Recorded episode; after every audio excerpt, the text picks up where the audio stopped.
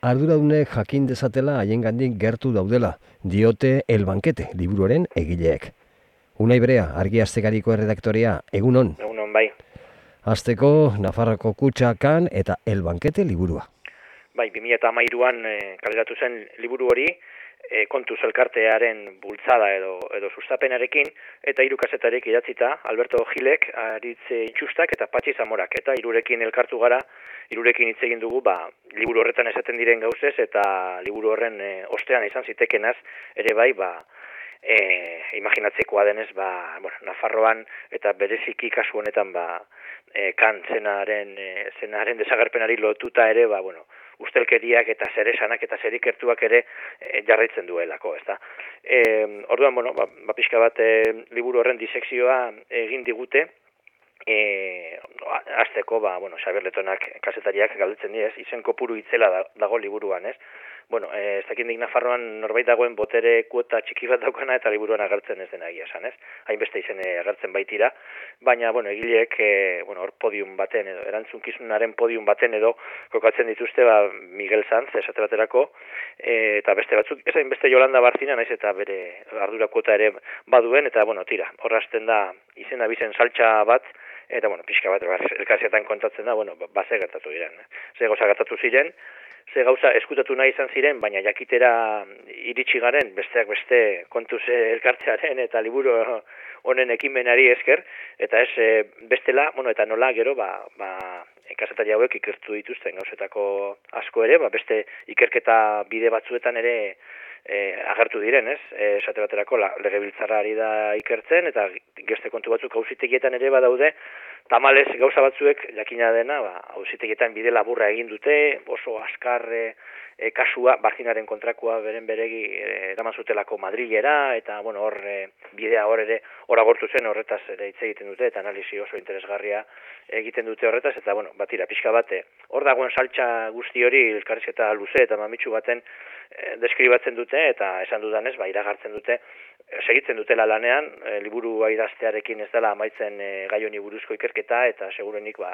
izango dela ere oraindik ba ba esana, gainera beraiek esaten dutenez ba e, oso, bueno, e, ustelkeria horren e, ustelkeria horren ez dakit nola san, hori datorren gunetik oso hurbileko iturriak dauzkatelako, ez? Iturri fidagarriak hoiei esker idatzi dut idatzi dute noski elbankete liburua eta bueno, seguruenik hoiei esker e, lortuko dituzte etorkizunean ere informazio interesgarri askoak. Erdiko kaieran Fermin Muguruza. Mm. Hala da, e, Fermin Muguruza, kasu honetan, ba, oso lan zehatz bati buruz hitz egiten, e, Black Beltza, komiki edo novela grafikoa, e, bueno, bere dekimenez sortua, baina gero arkaitzkan hori proposatutakoa, eta arkaitzkan horren e, hitzak edo gidoia dauzkana, eta Jorge Alderete ilustratzailearen e, marrazkiak, eta bueno, ba, 2008an e, Euskarazko kulturproduktu esanguratsuenetako bat e, izan zena, ezta? Eta, bueno, ba, ba pixkat kontatu dugu, ba, nondik datorren, nondik etorri zan e, e, ideia, eta, eta bueno, ba, nola egin zuten, ez? Nola lehenengo arkaizkan hori deitu ziola, eta proposatu ziola, eta, bueno, pixkanaka, pixkanaka, ba, nola hasi zen hori e, Black Beltza forma hartzen, ez da? Eta, bueno, ba, horrekin batera, ba, bere lan egiteko era bat ere deskribatu digu, ez? E, bueno, esaten du, eh? gordetzen dituela, e, egunkarietako zerak, zatitxuak, ba, albiste interesgarriak dituztenak, gorretzen ditu etorkizunen erabiltzeko bada ere, naiz denbora luzea pasa, bueno, askotan etekina ateratzen diela, e, sarritan, ba, esate baterako, ba, kantuen letrak eta idazteko ez, baina, bueno, kasu honetan, ba, ba, olako batetik atera zan, e, Black Beltza egiteko, komiki hori egiteko ideia eta, eta gidoia, ez da, gainera, bueno, gertakari historikoetan, o, abia puntua duena,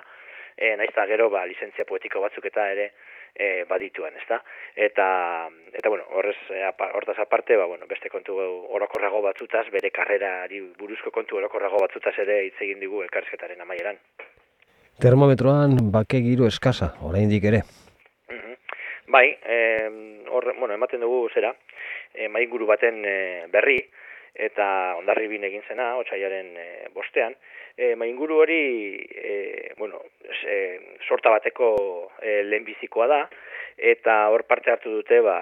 e, bueno, ondarribian daia eta irunen, e, egin beharrekoak, e, inguruko eragileek antolatuta, eta, bueno, hor parte hartu dute, ba, Euskal Gatazkaren biktima edo biktimen senideak edo izan direnetako batzuk, ba, e, ideologikoki alde desberdinetakoak edo hola kokatu litezkenak, eta, bueno, ba, pixka bat bizikidetzaren egoeraz eta geroaz e, hitz egiteko ez. Eta, bueno, ba, hori, ondarribikoaren kronika da ona e, ekarri duguna, ez, ez dut esan, baina hori, antxeta irratiak eta lokarrik antolatu, zituz, antolatu dituzte, e, jardunaldi hoiek, eta, bueno, kasu honetan, ba, lau parte hartzaile ditugu, bueno, e, Kristina Zagarzazu, Belen Zabala, Fermin Urtiz Berea eta Jose Miguel Gomez de Losegi, hori, bueno, ba, bi esan daiteke ba, estatuaren edo e, alde hortakoen violentziaren biktima, eta besteak, e, besteak etako etaren e, violentziarenak ez da. Eta, bueno, bakoitzak bere historia kontat, kontatzea aparte, ba, bizikedetzari buruzko hainbat kontu orokorre edo ateratzen dira hor, eta ondorio estatu litekeena da, ba, e, bueno, bidea, egin beharreko bidetik gutxi egin dela, eta, eta asko falta da, oraindik ez da e, aurrera egiteko eta bueno, higiene demokratikoa oraindik ba nahiko eskasa dela gure e, gure artean e, alderdi politikoek agintariek ba oraindik asko daukatela hortan e, egiteko pauso asko dagoela oraindik e, e, egiteko eta beraz ba, ba, bueno, ba denok nahi genukena kostatuko dala eta eta hori bide luze horri ba bailen ekitea hobe. Termometron ere, Fermin Etxegoien. Mm. Bai, e, oso liburu interesgarria idatzi du, Fermin Etxegoienek, e, bueno, iaz e, kaleratua, e, utxiko diogu galdera ikurrakin, e, dauka izenburua, eta, bueno, elkarrizkete osatu du, ez da, e, sorkuntzaren profesionalekin hitz egin du, amabi, amabi profesionalekin, eta, bueno, olako galderak planteatu dizki, ez, galdera nagusia, ba, eutxiko diogu da, ez da,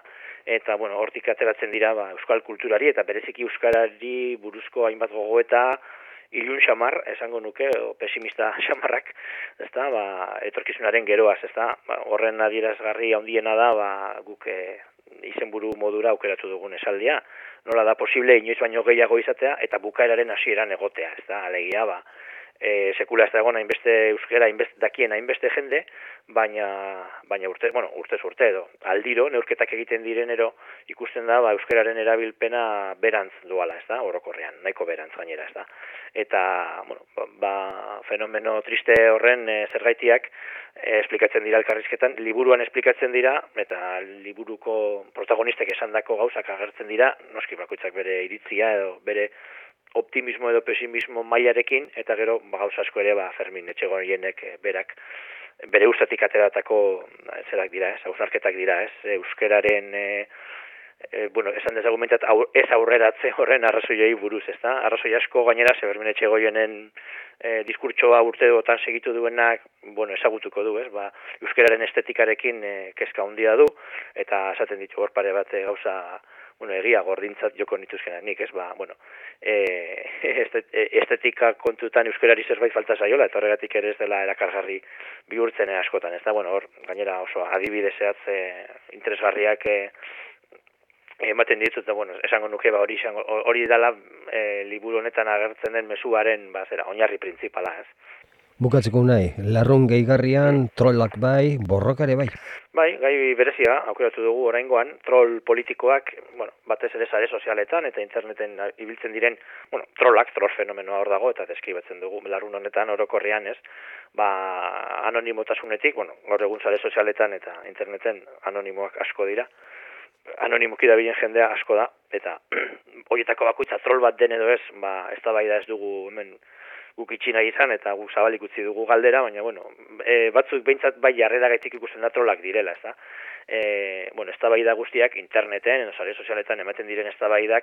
ba, ez dakititzak akastu den, baina nahaz pilatzen dituztenak, ez da? E, bueno, ba, beraien e, provokazioekin eta beraien e, e gauzak esateko e, moduekin, ez da? Eta bueno, ba, ba, larrun honen lehenengo partean, ba, fenomen hori aztertu dugu, ez da, zertan datzan, eta segako dituen, ez, eta e, bigarren partean, e, bi elkarrizketa oso interesgarri, eta seguru, bueno, bazare sozialetan eta asko aritzen den e, gure entzuleari, ba, seguru interesgarri irudituko zaizkiola, ez, Me, batez ere, bueno, Twitterren dabiltzan e, troll ezagunenetako bi direlako, ez, Euskal, Euskal, Euskal Herriko Twitterrean, esan, esan dezagun, ez, Euskal e, txiosferan edo esan dezagun, ez, eta bat da aranagoiri, e, aranagoiri pertsonaia, eta bestea diario fatxo, ez da? Diario fatxo agian ezaguna izango da, gipuzkoan, ba, el diario baskoren kritika gugupida gabea e, egiten duelako, ez da, hori da bere, bere jarduna, eta, bueno, bitxia da gainera, e, saretik kanporare salto egin duela, eta adibidez iasko udako jai askotan, Gipuzkoako herrietako jai askotan, el diario fatxoren pankartak ikusi izan ziren, ezta? E, bueno, azken batean, ba, el diario baskorik ba, kritika gogor bat egiteko asmoa zutenak noski, ezta? Eta gero, bueno, ba, inbeste, ja, dagoeneko lau edo urte daraman aranagoirik, ba, hori, Sabino aranagoiriren e, figura bere eginez, baina askotan oso bestelako mezua emanez, beti ere oso zorrotz eta oso azidotasun handiz, eta bueno, ba, pertsona horren e, gakoak ere egileak elkarsketan azaltzen ditu noski. E, e, troloien atzean dauden e, benetako pertsonak ba, ez dira ez dira gartzen, ez da, hoien nortasuna ba, izkutuan, izkutuan gorde da, baina, bueno, edo nola ere beti ere interesgarria da, erakiteko ba, zer esateko duten. Unai Brea, argi aztekariko erredaktorea. Mila esker, zure kolaborazioaren gatik, eta ondo pasazte burua. Berdin. Agur.